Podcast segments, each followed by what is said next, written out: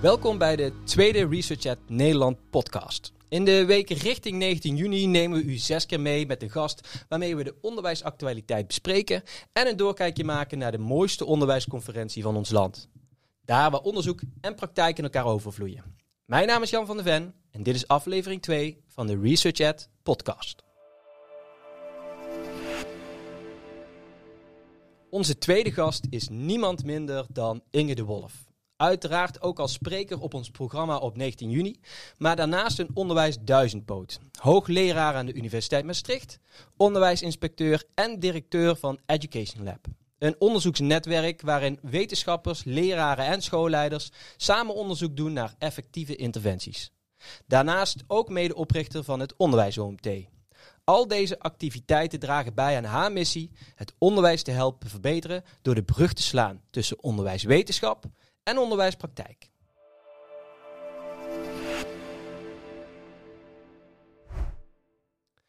Inge, fijn dat je er bent. Um, allereerst uh, onderwijspraktijk, uh, onderwijswetenschap. Wat heb jij met ResearchEd? Ja, ik vind het een van de prachtige initiatieven die een brug slaat eigenlijk tussen de onderwijspraktijk en de onderwijswetenschap. En wat ik heel mooi vind is dat daar toch nou ja, leraren eigenlijk uh, in de lead zijn. En uh, nou, het is natuurlijk een internationale beweging. Je ziet dat het voort is gekomen uit een behoefte, hè, zeker in deze tijden, voor meer wetenschappelijke kennis. En daar een goede vertaalslag naar, naar de praktijk. Ja, dus ik vind het echt een prachtig initiatief. En ik ben enorm blij dat Research at Nederland er ook, ook is. Ja, leuk. Um, daarover straks meer in het tweede blokje gaan we ook wat dieper in op jouw sessie sessie die je op 19 juni gaat doen. Um, en het raakt eigenlijk ook behoorlijk wel de actualiteit die ik graag met jou zou willen bespreken. Um, nou, vorige week is namelijk de menukaart van OCW uh, uitgekomen. En we hebben een uh, tweede conferentie van de staat van het onderwijs uh, achter de rug. vorige week dinsdag, waar jij ook een sessie deed.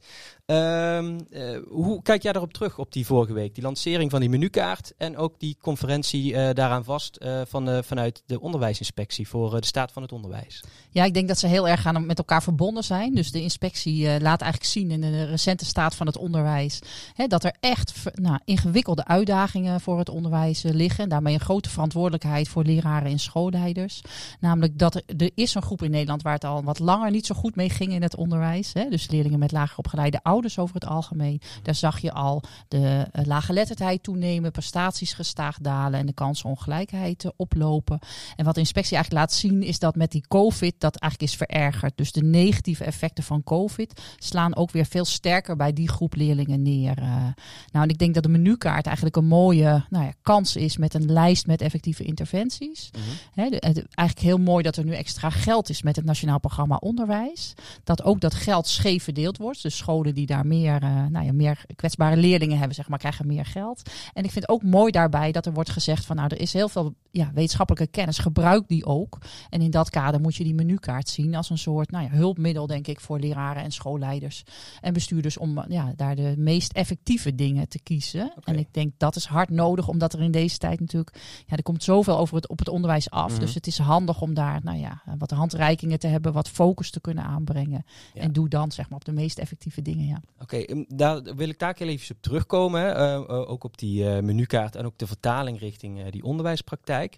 maar ten aanzien van de staat van het onderwijs, Inge. Um, nou, dus zo'n menukaart gaat ook vooral natuurlijk in op datgene wat we met z'n allen um, ja, proberen uh, beter te doen. Hè, uh, naar aanleiding van wat COVID heeft gebracht in het afgelopen anderhalf jaar in ons onderwijs. Als je iets uit de staat van het onderwijs zou moeten halen uh, waar we als Nederland eigenlijk heel erg trots op zouden mogen zijn. wat zou dat dan zijn wat jou betreft? Uh, nou, ik denk de hele grote omslag die het afgelopen jaar is gemaakt. Hè. Dus je ziet eigenlijk afgelopen jaar is uh, met die COVID-crisis dat de veerkracht eigenlijk in het onderwijs. Hè. Dus de onderwijsprofessionals die overnight uh, over zijn gegaan tot afstandsonderwijs. Nou, heel hard op zoek zijn hè, van hoe doe ik dat goed, hoe doe ik dat niet. Hè, hoe, wat moet ik voorkomen. Van elkaar ook gaan leren. Hè. Dus je ziet eigenlijk dat er veel meer teams die van elkaar leraars en leraren opgestaan. Hè, die ook met hun hele school hebben meegekregen zeg maar, in die digitaliseringsslag. Ja, dat dat vind ik, daar mag het onderwijs echt enorm trots op zijn. ja. Echt. Nou, dat is mooi om te horen. En, um, ik, ik, ken jou ook als iemand die een internationale blik heeft over het algemeen op het onderwijs. als je dat nou vergelijkt, hè, hoe het Nederlands onderwijs zich heeft um, ja, bewogen in het afgelopen anderhalf jaar sinds de intrede van, van COVID, ten aanzien van hoe dat in andere landen gegaan is. Zijn daar dan ehm, belangrijke verschillen in, in aan te merken, hoe wij het in Nederland gedaan hebben? Nee, wat je eigenlijk ziet is dat bijna alle landen zeg maar, met schoolsluitingen te maken hebben. Dus dat leerlingen na een tijd niet naar school konden. En dat bijna alle landen daar in die tijd zijn overgegaan tot afstandsonderwijs. Als je kijkt wat heeft dat voor gevolgen voor leerlingen, uh, dan zie je dat we vergelijkbaar, zeg maar, de, de situatie in Nederland toch erg vergelijkbaar is. Met name in die eerste lockdown, daar zijn nu de meeste nou, wetenschappelijke onderzoeken over. Daar zie je dat die leerachterstanden die in de verschillende landen zijn opgelopen, in alle landen ongeveer gelijk zijn. In ieder geval de landen waar kennis dan over is. Hè? Dus mhm. België, Engeland. Dus je ziet dat daar uh, nou ja, eigenlijk vergelijkbare uh, effecten optreden. Uh, en je ziet ook dat overal zeg maar, iedereen met het afstandsonderwijs bezig is geweest. Daar zijn wij wel relatief verder in dan andere landen. Dus er zijn natuurlijk ook veel landen waar er niet een goede digitale infrastructuur is. Of waar, hè, daar zijn wij, dus liepen we eigenlijk achter als het mhm. gaat om ICT en, en digitalisering van onderwijs. Vergeleken met veel andere landen, maar ineens lopen we daarin voor. Dus nou ja, daarmee hopen we natuurlijk ook deel, deels die negatieve effecten wat uh, te kunnen inperken in, uh, in Nederland. En als jij nou vooruit zou kijken, de, de komende jaren hopelijk zoveel mogelijk COVID-vrij, um, in ieder geval in het onderwijs, um, zijn er dan dingen waarvan jij denkt van oké, dat moeten we echt behouden wat we in de afgelopen ja, ruim een jaar als onderwijs ons eigen hebben gemaakt naar de toekomst toe? Ja, dat zijn eigenlijk twee dingen. Dus de eerste is die digitalisering. Hè? Dus het inzetten van digitale middelen voor nou ja, meer adaptief onderwijs of voor een betere ondersteuning van leraren. Voor, en je kunt allerlei dingen daarmee doen. Flipping the classroom. Hè? Dus leerlingen video's als huiswerk laten bekijken en de klas gebruiken voor de interactie. Er zijn allerlei heel veel interessante lessen eh, die we hebben geleerd afgelopen jaar. Ik hoop dat we daar een deel van in het reguliere onderwijs gebruiken. Mhm. Dus niet wat je nu vaak hoort op scholen. Alsjeblieft, laten we weer back to normal gaan. Ik hoop dat dat normale zeg maar wel het normale 2021 wordt. En dat we daar dus ook wel wat van die digitalisering gebruiken. En wat je het afgelopen jaar hebt gezien is eigenlijk nou ja, toch een behoefte aan meer kennis, meer uh, nou ja, peer learning, dus van leraren onder elkaar, meer teamwerk. We moesten met elkaar hè, de, de, mhm. nou ja, om, zeg maar, het onderwijs omgooien. En ik hoop dat dat ook uh, blijft, waardoor het leraarschap nou ja, minder zeg maar, een eenzaam beroep is, maar meer nou ja, in teams gewerkt wordt, kennis wordt gedeeld, uh, van wetenschappelijke lessen wordt geleerd. Ja, de school die twee dingen hoop ik echt. ja, de school als werkplaats, um, hè, waar die onderwijsprofessionals samen dat onderwijs vormgeven. Um, heel even um, op uh, de, de, onderzoeken die, die gedaan zijn. En nou, die menukaart is ook geschreven om leerachterstanden ehm, tegen te gaan. En dat is meteen al een woordje waar een groot deel van het onderwijsveld moeite mee heeft. Hè? Want dan wordt er gezegd van gewoon leerachterstand dan op wie? Want je kan toch eigenlijk geen achterstand op jezelf hebben. Hè? Marcel van Herpen, veel aangehaald in media. Vorige week stond hij daar ook nog mee in het, in het AD. die zei van, die is daar behoorlijk kritisch op. En dat heeft ook behoorlijk wat draagvlak eh, binnen, ehm, nou, binnen de scholen, binnen de schoolleiders en leraren. Eh, hoe kijk jij daar, daaraan? Die leerachterstand, op wie is dat dan precies? Is dat op jezelf of op, ja, waar is dat op gebaseerd? Ja, ja, ik herken het heel erg. Het lijkt ook als, hè, alsof er dan afgelopen jaar niks gebeurd is. Hè. Dus het is ook een soort negatief iets waar veel mensen, snap ik heel goed, in de onderwijspraktijk uh, last van hebben. Uh, wat ik wel belangrijk vind, is dat we onder ogen zien dat een deel van de leerlingen gewoon last heeft gehad van die COVID-crisis.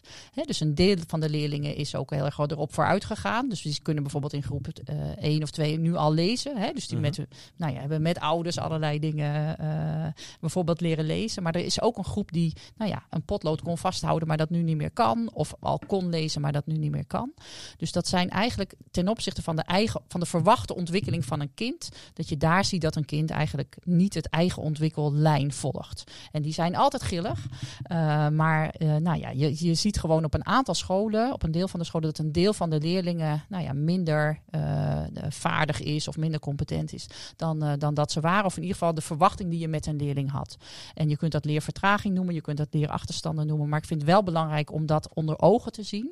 Het geldt niet voor alle scholen. Dus we zien, uh, maar het grootste deel van de scholen heeft duidelijk leerlingen waar dit het geval is. Ja, en ehm, hè, dat is dan vaak ook op uh, nou, de, de hardere kant van het onderwijs, hè, wordt dan vaak gezegd. Rekenen, lezen haal je zelf ook al aan. hoe zit het met die wat zachtere kant van het onderwijs? De sociaal-emotionele ontwikkeling, ehm, dat soort dingen die, die daarbij komen kijken. Hoe, hoe hebben kinderen daarin gedaan de afgelopen tijd met COVID? Ja, ik denk het belangrijk is om daar aandacht aan te besteden. Want de eerste onderzoeken die we nu zien, zien we daar ook dat daar ook negatieve gevolgen zijn van leerlingen. Of zien we eigenlijk twee dingen. Dus er zijn negatieve gevolgen voor leerlingen. Dus je ziet bijvoorbeeld BMI weer toenemen bij, uh, bij jongeren. Uh, nou, depressiviteitsklachten. Dus er waren al allerlei signalen dat het echt ook zo in de sociale emotionele ontwikkeling echt nadelig is. School is meer hè, mhm. dan alleen het leren van talen en rekenen. En ook hier zien we dat het weer scheef verdeeld is. Dus dat het met name leerlingen uit armere gezinnen zijn en leerlingen waarvan de ouders niet hebben doorgeleerd uit uh, lage sociaal-economische milieus, die, waar we die negatieve effect op die sociaal-emotionele ontwikkeling zien.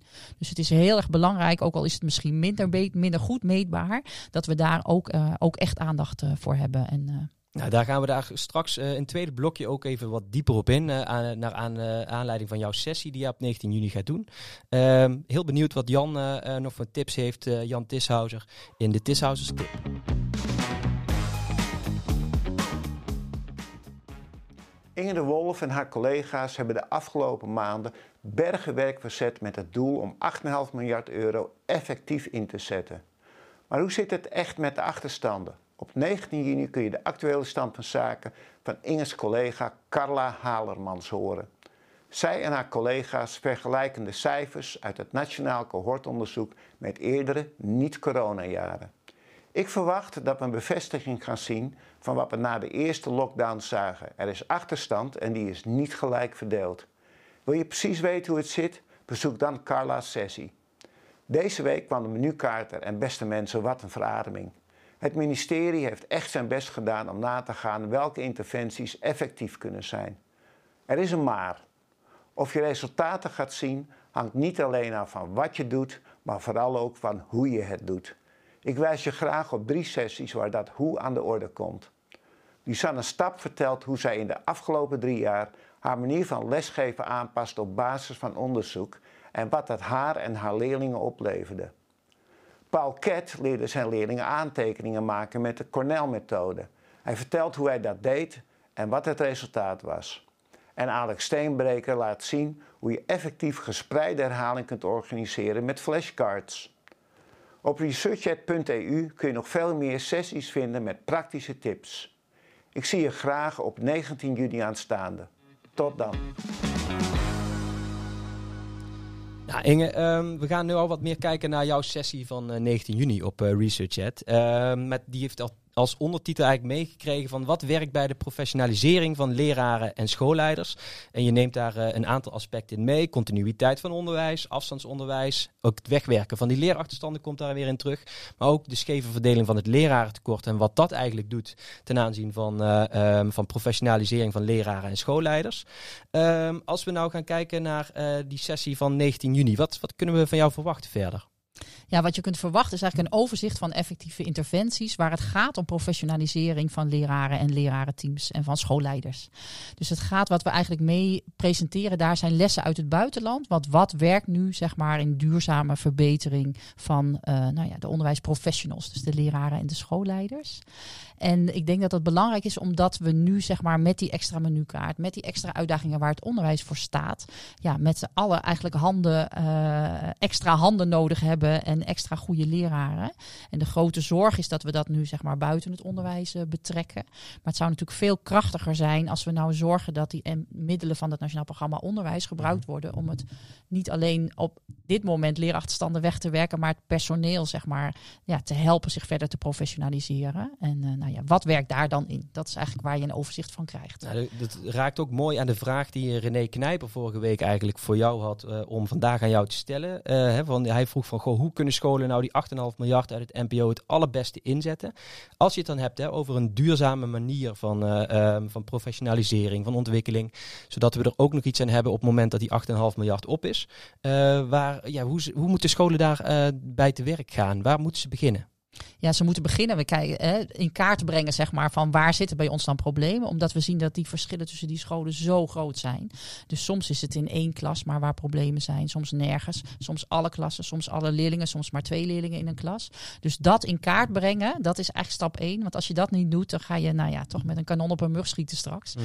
Uh, dus je moet echt weten wat er, uh, wat er is. En daarnaast zou ik het best stap twee is dan kijken van wat zijn dan interventies die we kunnen doen. Ja, en daar heb ik eigenlijk, hè, daar hopen we zeg maar op de sessie op 19 juni uh, meer handreikingen voor te geven. Kijk dan ook vooral niet alleen zeg maar in de menukaart, wat kan ik nou hè, voor effectieve interventies inkopen bijvoorbeeld. Maar kijk, denk dan na van hoe kunnen wij zorgen dat we met ons eigen personeel die, nou ja, dat bijspijkeren bijvoorbeeld doen of extra investeren in die sociaal-emotionele ontwikkeling. nou, en daar zijn natuurlijk, hè, dan kan je aan, aan dingen denken als bijvoorbeeld coaching van leraren, professionaliseringstrajecten, scholingstrajecten, maar ook versterkingen, manieren om het team te versterken met datateams, bijvoorbeeld Stichting Mhm. Leerkracht. Dus dat zijn eigenlijk allemaal activiteiten die je zou kunnen doen eh, om nou ja, te voorkomen dat je zeg maar nu in de markt eh, professionele of eh, ondersteuning zeg maar inkoopt, maar eigenlijk kijkt hoe kunnen we met het eigen personeel nou ja, op, op een aantal terreinen het been bijtrekken en, en die extra uitdagingen waar we nu voor staan het, het hoofd bieden. Het gaat dus ook echt om een goede analyse vooraf maken van waar dat dan precies nodig is. Ja, ja. en dan, dan daarna bedenken hoe kunnen we dat dan inderdaad organiseren. Maar die analyse is heel belangrijk. Hey, en die menukaart, hè, eh, waar toch veel eh, scholen straks op uit zullen gaan komen om te checken van oké, eh, ik wil iets doen op, de, op het gebied van professionalisering. Wat, wat, hè, wat is er dan bewezen effectief? Die is vertaald hè, vanuit het Engels, vanuit Education Endowment Fund. Ehm, hoe zie jij die eh, ehm, transitie naar de Nederlandse context? Eh, ehm, ja, moeten we daar nog op bepaalde vlakken rekening houden ehm, om dat goed te implementeren? Hoe zie jij dat? Ja, ik vind eigenlijk wel een beetje armoede dat we zeg maar in die menukaart heel erg weinig op Nederlands onderzoek eh, kunnen baseren. En dat is eigenlijk zo omdat we in Nederland niet een lange traditie hebben, wat de meeste andere landen hebben, al in onderzoek, wetenschappelijk onderzoek naar effectieve interventies. Dat begint nu aan alle kanten te komen. Dat is heel erg mooi. eh, maar we hadden natuurlijk het liefst zeg maar een eigen bak aan interventies eh, die al goed geëvalueerd waren kunnen hebben en die erin kunnen zetten. Dus ik vind het een beetje armoede dat we ons op de Engelse situatie hebben. Zij dat gelukkig heel goed gedaan bij het Education Endowment Foundation. Dus ze hebben allerlei studies uit de hele wereld. En de meeste studies die zijn gebaseerd, of de meeste tips, zeg maar, wat je zou kunnen doen, zijn gebaseerd op studies in verschillende landen. Daarvan denk ik, ja, als het in België, Engeland, Amerika werkt, waarom zou het dan in Nederland niet werken? Maar er zijn ook een aantal interventies die heel erg specifiek meer op de Engelse situatie eh, gericht zijn. Bijvoorbeeld de schooluniformen dragen. Hè, daarvan denk ik, ja, wat hebben we daar in Nederland aan? Ja, Dus het, het heeft eigenlijk twee problemen. Dus we weten niet zeker zeg maar, of ze op de Nederlandse situatie. Dus denk altijd na hè, voordat je zo'n Mhm. interventie overneemt. En een ander nadeel nu vind ik van die Education Endowment Foundation als basis voor de menukaart. Is dat het heel gericht is op bijspijkeren. Vooral van cognitieve eh, eh, nou ja, eh, leemtes, zeg maar. leerachterstanden of vertragingen, hoe je dat ook noemt. En dat het niet. En daarmee bouw je een soort risico in voor snelle pleisters. Dat er snel zeg maar wordt bijgespijkerd. Maar tegelijkertijd ehm, niet in bijvoorbeeld leraren of on- eh, veel, eigenlijk veel effectievere interventies die ook duurzaam doorwerken. Ja. Die zitten relatief heel weinig in die menukaart eh, nog. Een En beetje in- ook de, de, de randvoorwaarden om het allemaal goed eh, te kunnen implementeren en ook eh, ehm, ehm, ja, goed op scholen te laten neerdalen. Want dat haal je ook aan in jouw sessievoorstel voor 19 juni. Dat ook de scheve verdeling van het lerarentekort een bepaalde ehm, uitwerking heeft op eh, professionalisering van leraren, schoolleiders, maar ook die effectieve interventies die eh, te doen zijn. Ja, en dat is denk ik het hele zure nu van het Nederlands onderwijs. Dus die COVID-effecten, dat liet de inspectie vorige week in de staat van het onderwijs zo mooi zien. Die effecten slaan vooral neer zeg maar, bij leerlingen eh, nou ja, uit laag opgeleide gezinnen. En wat je tegelijkertijd ziet is dat de scholen waar veel van die leerlingen zitten, ja, daar slaat het leraartekort weer, Ja. weer veel sterker neer. Dus er zit daar zeg maar echt een heel groot, en daar, daar hou ik echt mijn hart vast. Hè. Dus de scholen waar het al niet goed ging, die nu, waar nu de leerlingen door COVID een extra klap hebben gekregen. En daar waar ze enorm tekort aan leraren hebben, hoe gaan die die klus klaren? Ja, nee, dat is inderdaad een hele, een hele kluif. Ehm, nog heel even eh, terug op ehm, ehm, ja, die harde en die zachte kant. Hè, waar we het eerste blokje al eh, eventjes over hadden gehad. Nu ben ik vorige week bij jouw eh, sessie geweest bij de Staat van het Onderwijs. En daar zei jij iets wat mij wel heel erg intrigeerde. Namelijk dat ehm, ehm, er is kritiek dat er heel weinig uh, oog is voor die zachte kant, heel weinig oog is voor die pedagogiek. En toen uh, haalde jij aan dat, het, uh, dat we daar eigenlijk als Nederland het enorm goed in doen. En dat daar ook wetenschappelijk bewijs voor is dat we het daar enorm goed in doen. En dat het dus eigenlijk een soort van kwestie is om ook ons andere been bij te trekken. Ehm, waar, waar, waar, kunnen we dat aan terugzien? Hoe, hoe kunnen we zien dat we het in Nederland zo goed doen op pedagogiek en op de zachte kant van het onderwijs? Ja, bij pedagogiek denk ik dat het vooral belangrijk is. We zien zeg maar op die zachte kant dus ook echt wat ik net zei, hè, negatieve effecten. Mhm. Met name bij een specifieke groep leerlingen. Maar wat we weten is dat daarvoor, daarvoor is de school open doen al een heel erg goede stap. dus ik denk dat zo snel mogelijk zoveel mogelijk leerlingen weer naar school. En die school is natuurlijk ook voor de sociaal-emotionele ontwikkeling van leerlingen.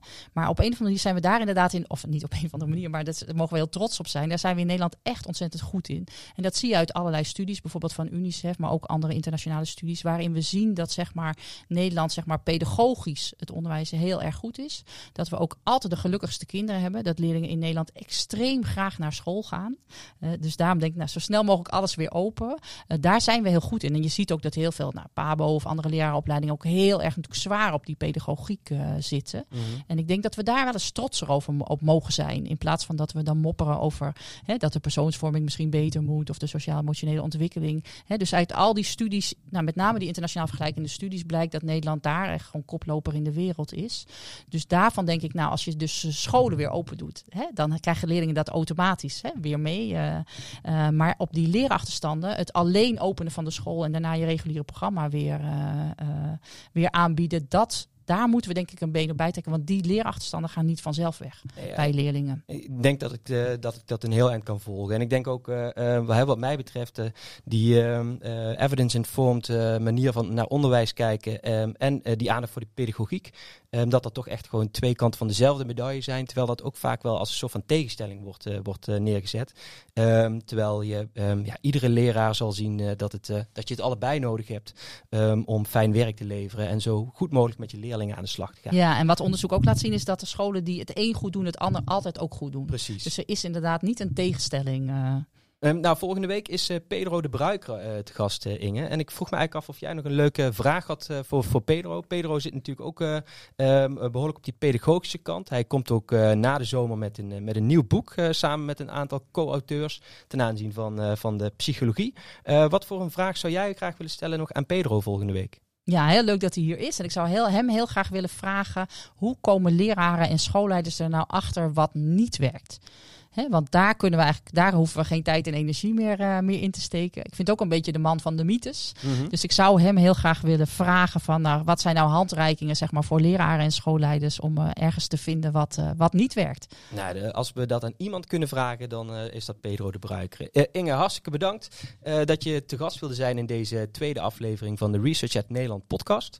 Ehm, wij zien uit naar 19 juni, naar jouw sessie. Um, en ik wil je een hele fijne dag wensen en tot de volgende keer. Dankjewel en leuk om hier aanwezig te zijn. En kom allemaal 19 eh, juni.